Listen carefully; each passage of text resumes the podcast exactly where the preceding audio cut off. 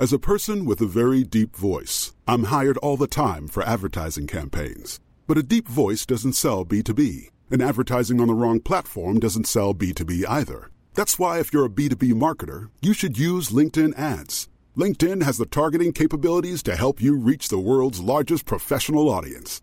That's right, over 70 million decision makers all in one place. All the big wigs, then medium wigs, also small wigs who are on the path to becoming big wigs. Okay, that's enough about wigs. LinkedIn ads allows you to focus on getting your B2B message to the right people. So, does that mean you should use ads on LinkedIn instead of hiring me, the man with the deepest voice in the world? Yes. Yes, it does. Get started today and see why LinkedIn is the place to be to be. We'll even give you a $100 credit on your next campaign. Go to linkedin.com slash results to claim your credit. That's linkedin.com slash results. Terms and conditions apply. Spring? Is that you? Warmer temps mean new Allbirds styles. Meet the Super Light Collection, the lightest ever shoes from Allbirds, now in fresh colors. These must have travel shoes have a lighter than air feel and barely their fit that made them the most packable shoes ever. That means more comfort and less baggage. Try the Super Light Tree Runner with a cushy foam midsole and breathable eucalyptus fiber upper. Plus, they're comfy right out of the box. So, what can you do in a super light shoe? What can't you do is the better question. And because they're super packable, the real question is where are you taking them? Experience how Allbirds redefines comfort. Visit allbirds.com and use code SUPER24 for a free pair of socks with a purchase of $48 or more. That's A L L B I R D S.com. Code SUPER24. Då är, eh, rullar avsnitt 71 igång utav den fabulösa Just det-podden.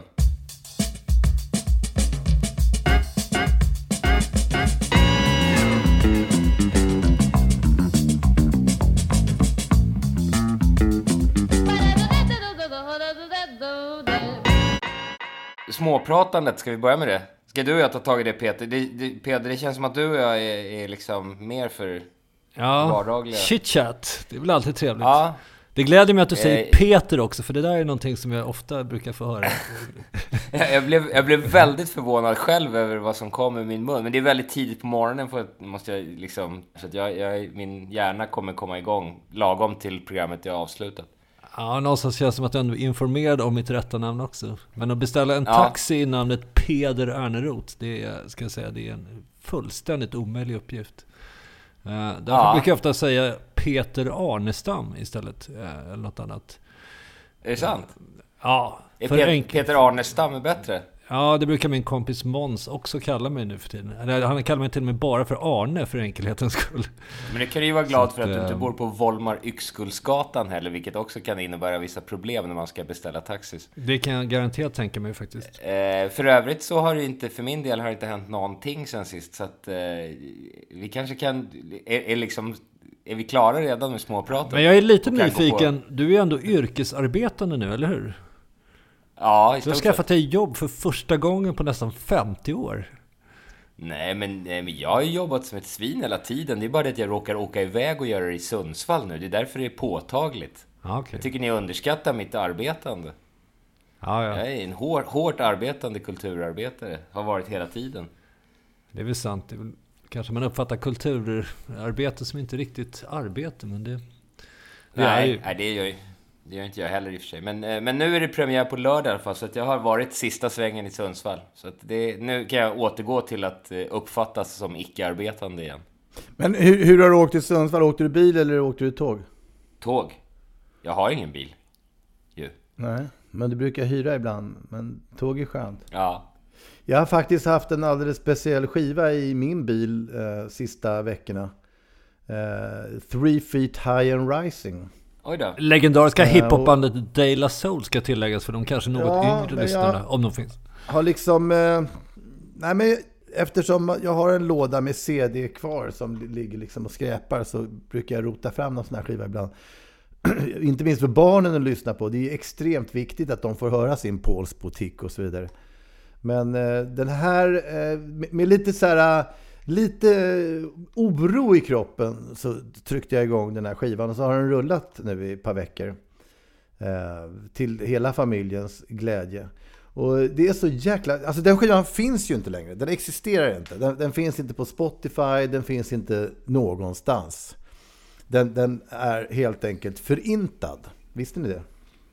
Nej, varför? Nej. Vad beror det? Vet man vad det beror på då? Ja, man, man, kan väl, man kan väl gissa i alla fall att, att eh, Tommy Boy Records hade vi nog inte liksom musklerna att lösa alla eh, upphovsrättsliga...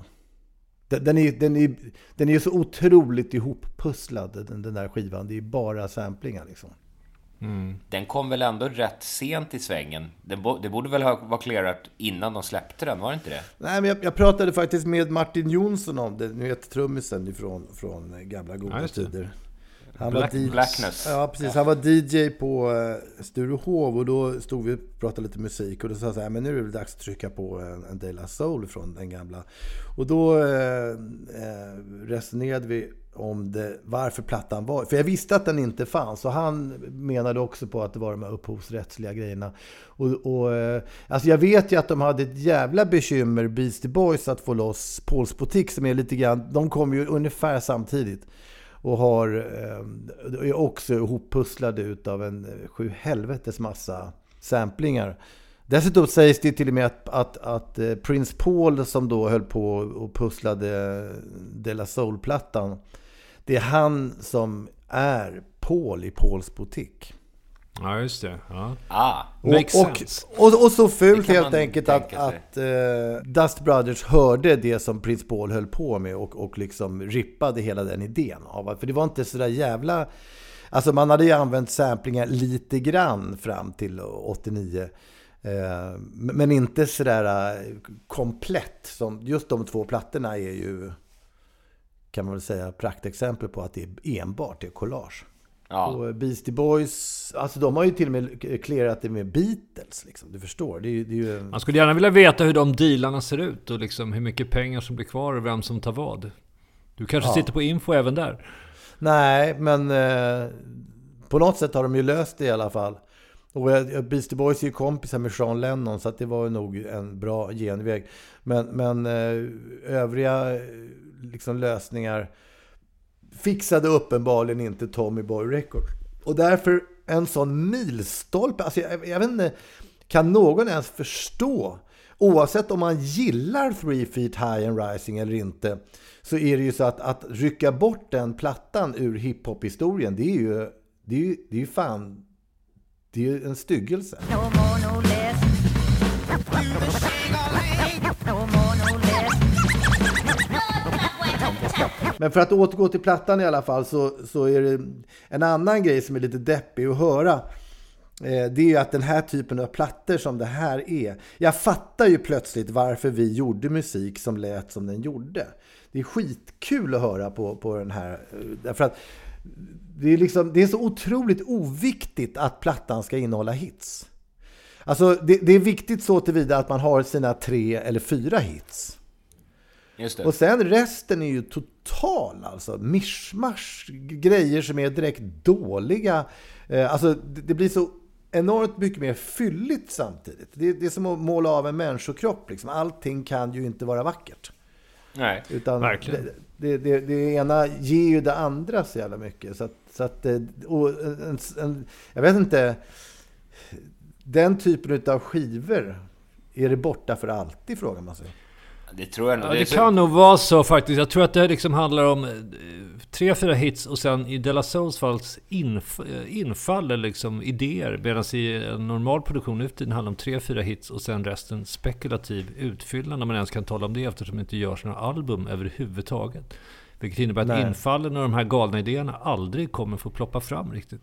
Det blir väl liksom... Det är ju tre- sorgligt. Det blir väl tre, fyra hits på... Om det är alltså tre, det blir två hits på ett album samt liksom elva spår som försöker vara hits men inte lyckas. Och det sjuka är att albumformen lever ju fortfarande kvar trots Spotify. Folk ger ju fortfarande ut album och det är kanske för någon recensionsform eller någonting sånt. Men det är, de här 10 låt, 10-12 låtarna lever ju kvar ändå.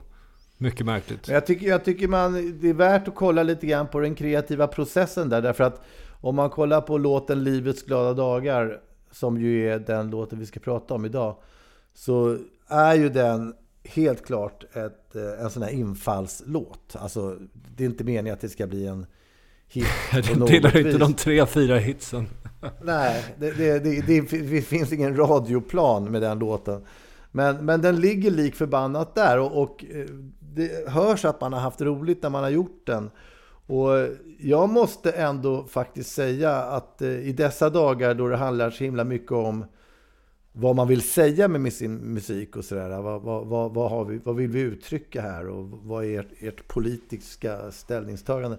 Så, så anser jag att om jag tittar på texten och låten Livets glada dagar så, så innehåller den otroligt mycket.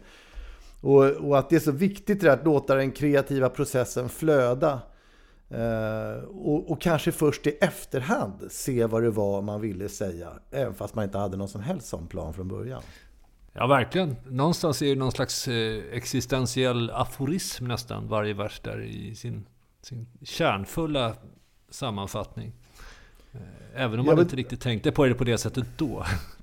Nej men det, det är som, det är som folk som har det jävligt pissigt kan ju på något sätt eh, försöka övertyga sig själva om hur bra det ska bli.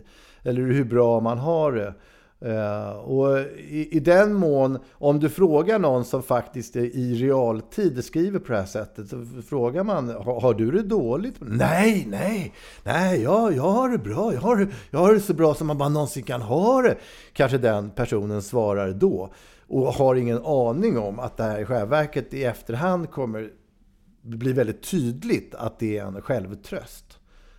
Och så känns det svinmycket med den här låten därför att i det här läget så är vi ju eh, jag skulle inte säga utstötta ur samhället, men, men inte långt därifrån. Därför att det, det är ju liksom det är panik i rösterna. Eh, och och med, med en jävligt stark förhoppning. Medan man liksom använder låten för att trösta andra, så tröstar man sig själv. Jag tycker det är fascinerande också hur låten framförs med en så otrolig artikulation i rapparna och sådär. Att det är så väldigt tydligt.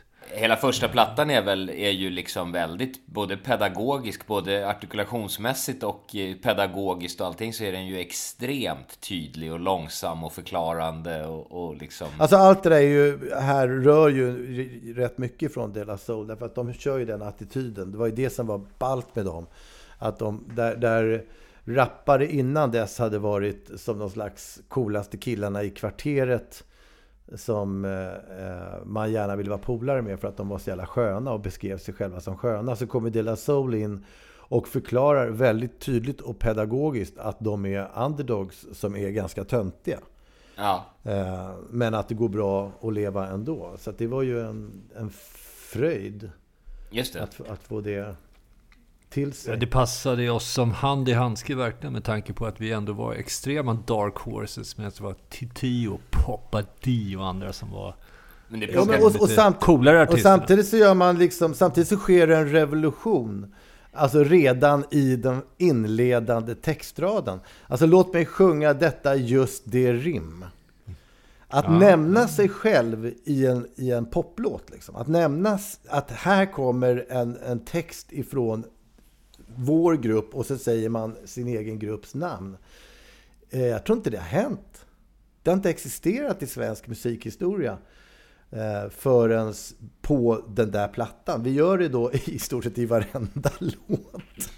Men, men, men att idag, när det är så jävla självklart att man gör det, att idag liksom försätta sig i den kontexten som det var 1989 och inse hur jävla revolutionerande det här var. Det, det är liksom, jag tror inte folk fattar. Men det var det man älskade med old school hiphop också. Sådär, att, att marknadsföra sig själv på det där extremt aktiva sättet. Och, Men det, ja, vad fint. Men det är någonting som är apropå de där liksom inte hitslåtarna då. Vi, vi spelar ju live, nu när vi spelar live så gör vi ju det med trummor, bas, gitarr som en liten sån trio. Och de låtarna som funkar bäst och som känns roligt, det är, vi har ju ett litet paket med Livets glada dagar och Astrid Lindgren Land och Mm. Eh, de håller väldigt bra idag. Det är väldigt kul att köra helt enkelt. Det, det säger ju en hel del.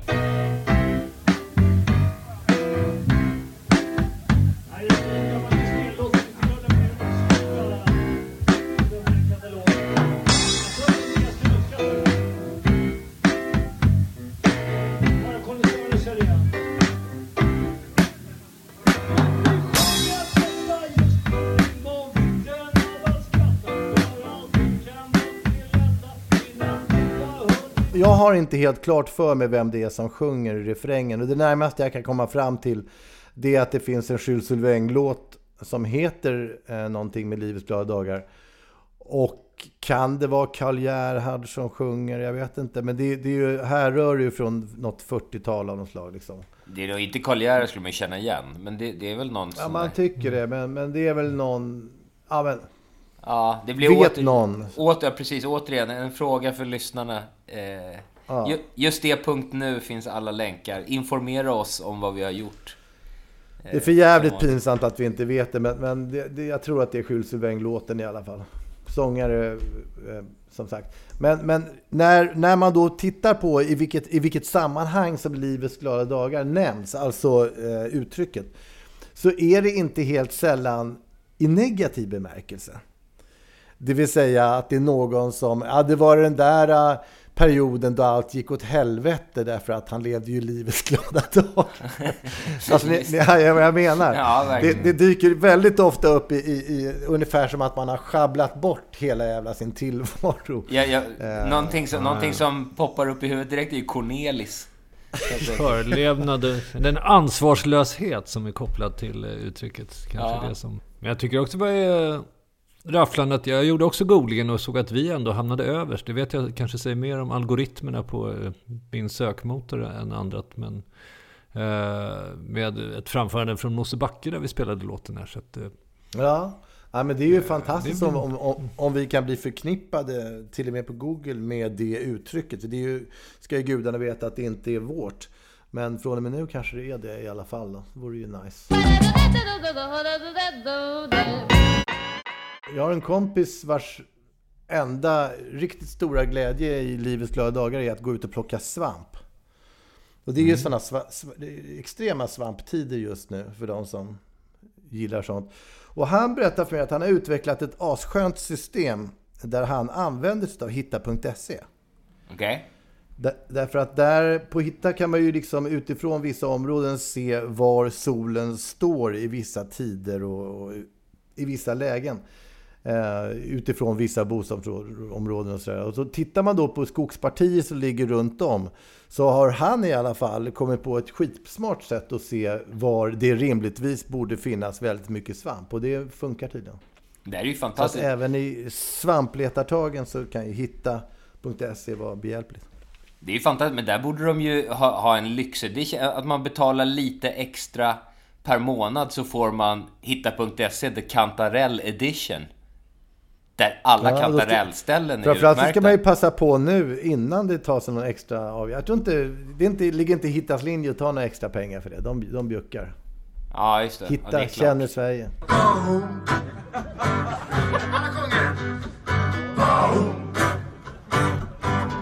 Kommer ni ihåg när vi var på Lidingö och träffade Povel?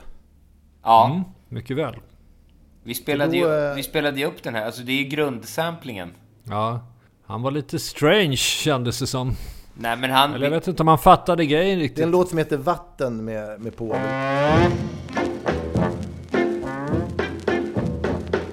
Ut i små visor är det inte fint att nämna drycker kontrollerade av bratt. Men kära lyssnare skara, jag har tagit mig till vara. Låt mig nu bara förklara, det är inte alls någon fara. För denna lilla visa handlar bara om vatten, bara vanligt vatten.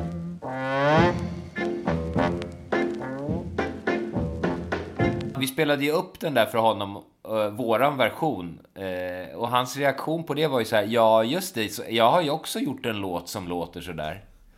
Det var det, det, det, var det han sa.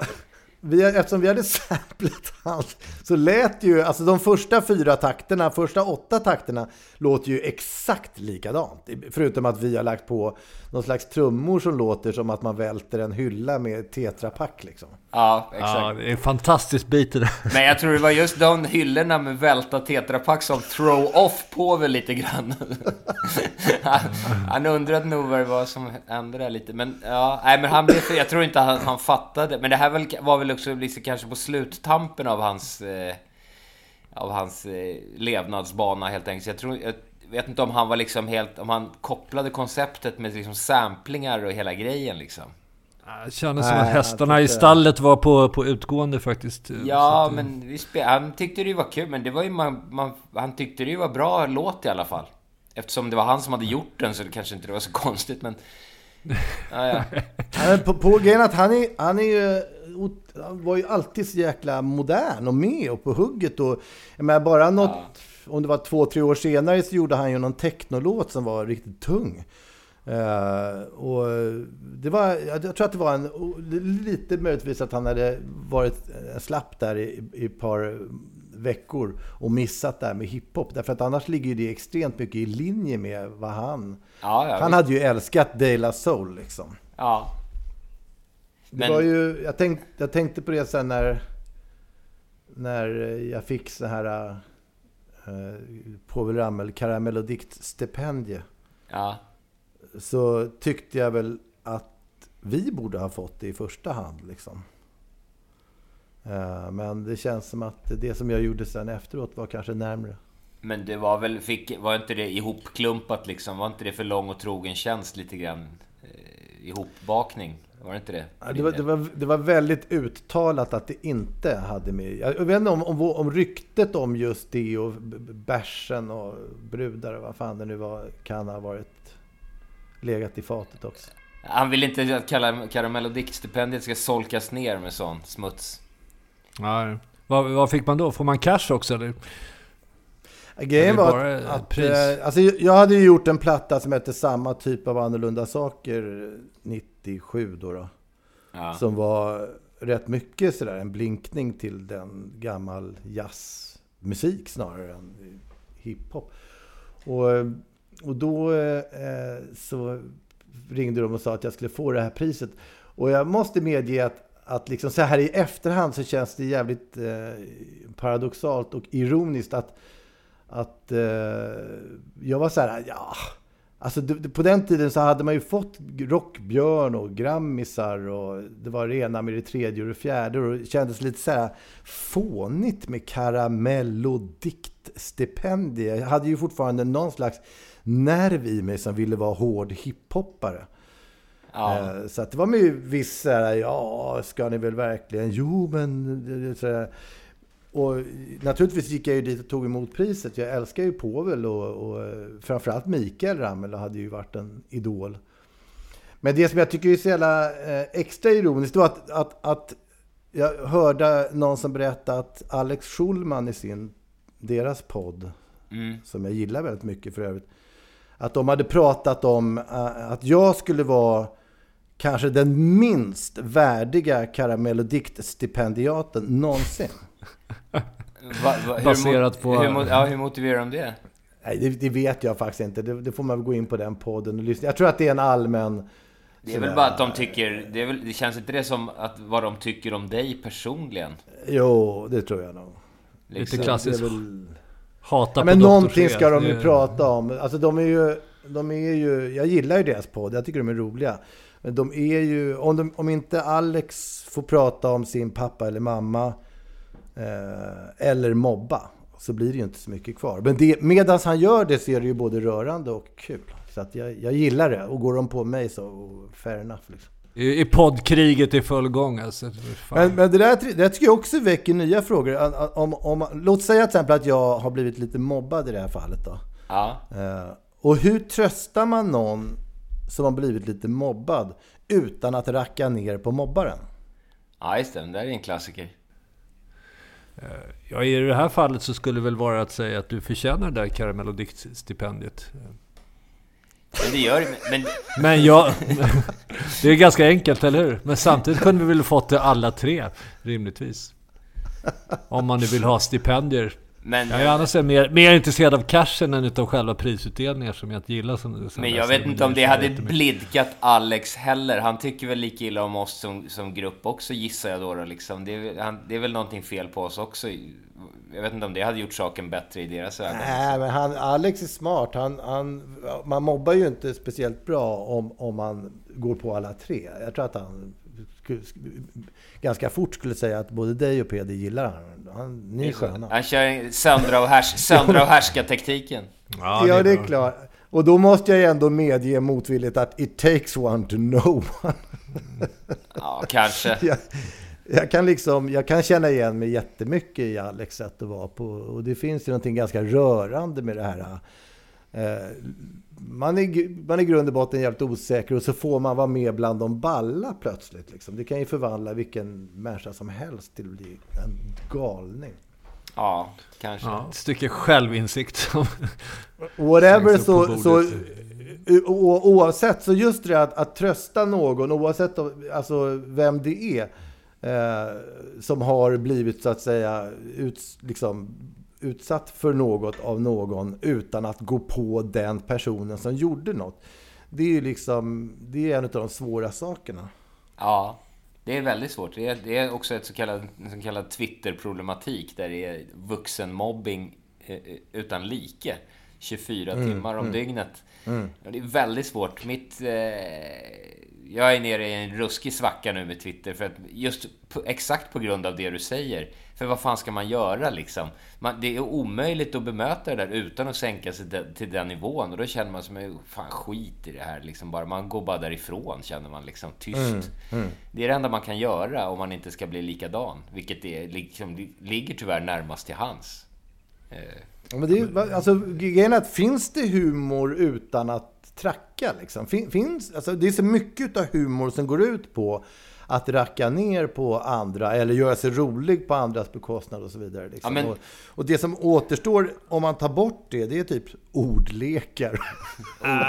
Tvär, jag skulle snarare säga tvärtom. Humor där folk lämnar ut sig själva som Louis CK. Han rackar ju på andra, vilket han absolut. Men han är ju också ex expert på att liksom framställa sig själv i ofördelaktig dager i olika, olika sammanhang. Och det är ju hur kul Jo, som men- helst. jo, men observera att det är ju faktiskt också att racka på någon. Alltså, det är det, för jag, på det jag tänker på att om, om man tar bort att racka på andra eller sig själv, vad har Ja, man då är, kvar då? ja, då är det Ned Flanders. Då finns det ju ingenting. Alltså det, Och sen så det slog det mig även här när, när eh, Hasse dog. Att de sista, de sista, låt säga 5-10 åren, så är det ju väldigt många utav de här eh, Killing, Schyffert och Locko och, och company som på något sätt in i det sista har velat liksom smöra in sig hos den där äldre generationen. Som har velat visa på vilka fina människor de trots allt innerst inne är. ja. Eh, och, och, och jag vet inte om, om det för dem känns nu när Hasse är borta. Som, och, och även, jag måste säga även för min egen del, absolut vill jag flika in. Att hela den här samma typ av annorlunda saker, hela den prylen var ju otroligt mycket ett sätt att vilja säga till den, den där generationen att åh, jag, jag kan nästan som ni. Jag har hört på er jättemycket. Jag står bara på Giants shoulders. Men frågan är om det kommer bli, känns det som en befrielse nu när de är borta? Är det blir som så här, wow, shit, nu behöver man inte bry sig om vad Hasse tycker längre. Nu, nu, nu, kan, nu är det bara att köra. Nu behöver, inte, nu behöver man inte fundera på om Gösta Ekman tycker att man är elak. Liksom. så att alla kommer släppa fram sin pure evilness nu. och inte låtsas vara Ah, det är fina inte omöjligt därför att det är liksom eh, slickandet för, för de här mysfarbröderna har ju ändå varit rätt eh, Men jag undrar om de liksom... ansenligt. Men å andra sidan, hur jävla mysiga var de egentligen liksom? Det, vad är den offentliga bilden och liksom, vad gör Hasse när micken stängs av? Det är det som man undrar. Du känner väl honom, är det inte så? Eller? Även, ja, han, även, han var Eller ju, kände. Jag träffade ju inte honom.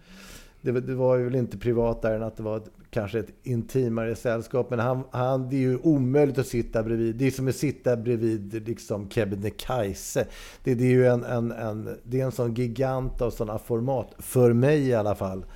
Så att eh, det, det, allting blir bara ett glittrande ur ens ögon för att man tycker att han är så fantastisk. Men, eh, nej, men det finns väl en hel del som pekar på att han kanske inte har varit världens bästa pappa och lite sådana saker. Men det är väl ingen som... Alltså kändisar och folk i yrkesverksamma roller och framförallt på 60 och 70-talet har ju sällan ett klockrent register i familjerelationen. Nej, nej, och sen brukar det vara den vanliga kulturkannibalismen också, där man liksom hackar och bevakar varandra och mäter och testar. Så att, eh, Så mysiga är ju faktiskt inte alla. Men jag vet inte, jag, om, om, om, Men det är Astrid Lindgren-land, det är en annan låt. Ja, men om det, är någon, om det är någonting som kommer överleva trots att de fysiska personerna är borta så tror jag någonstans grundstensmässigt är ändå den formen av humor. Jag tror den, den där chill, alltså Killinggängs-ironin är ju redan död. Den har ju varit död rätt länge känns det som faktiskt. Eh, Jag älskar den i och för sig. jag tycker de är, Jag hatar Killinge. Jag tycker, jag tycker de är vidriga liksom. Det, det är, liksom- för de har sabbat ironi. Jag älskar ironi. Och de har sabbat det och gjort det till någon sån här jävla elak cynism istället, vilket är något helt annat. Karl Gerhard är ironi. Det är massor som är ironi, som är fantastisk ironi.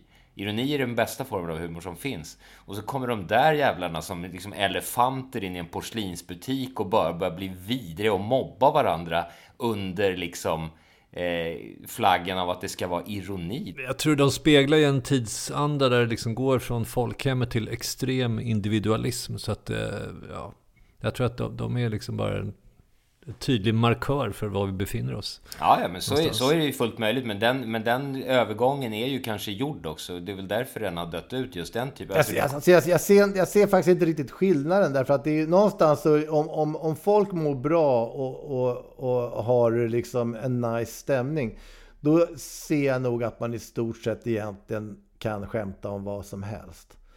Det, det, handlar, det kan mer, man- det handlar ju mer om att känna av hur stämningen blir. Och att ett, ett rätt bra exempel är ju det här med, med det, var ju, det var ju Hasse eller Tage som myntade det här med att Ingvar Carlsson såg ut som en fot i ansiktet. Ja.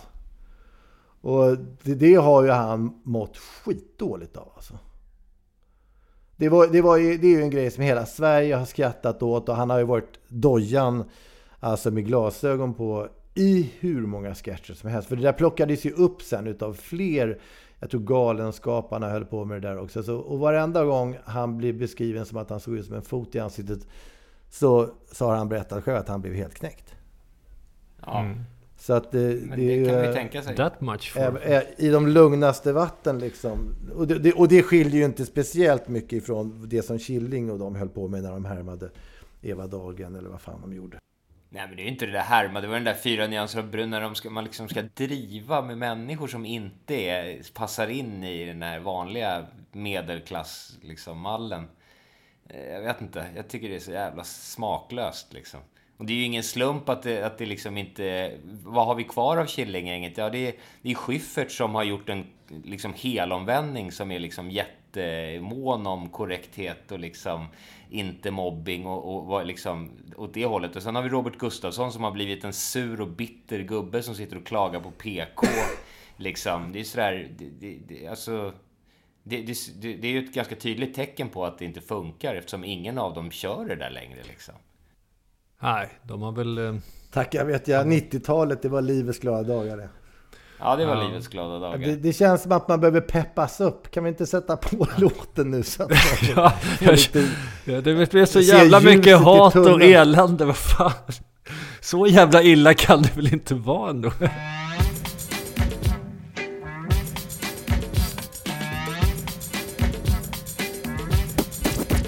Låt mig sjunga detta just i rim om vikten av att skratta. För allting kan vara till ända innan du har hunnit fatta vad som hände. Därför ta dig all den tid som du kan få till att ha just det roligt varje dag. Bäst att passa på och leva. Livets glada dagar.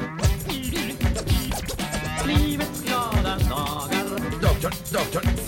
det känns trist ibland, ja, visst Men det är ju helt klart sånt som händer. Minns att när det är som värst känns det som bäst Sen när det vänder. Och inget är så illa att det inte kan bli bättre sen. Så känns det tungt, ta det lugnt, det är din tur snart igen och leva. Livets glada dagar.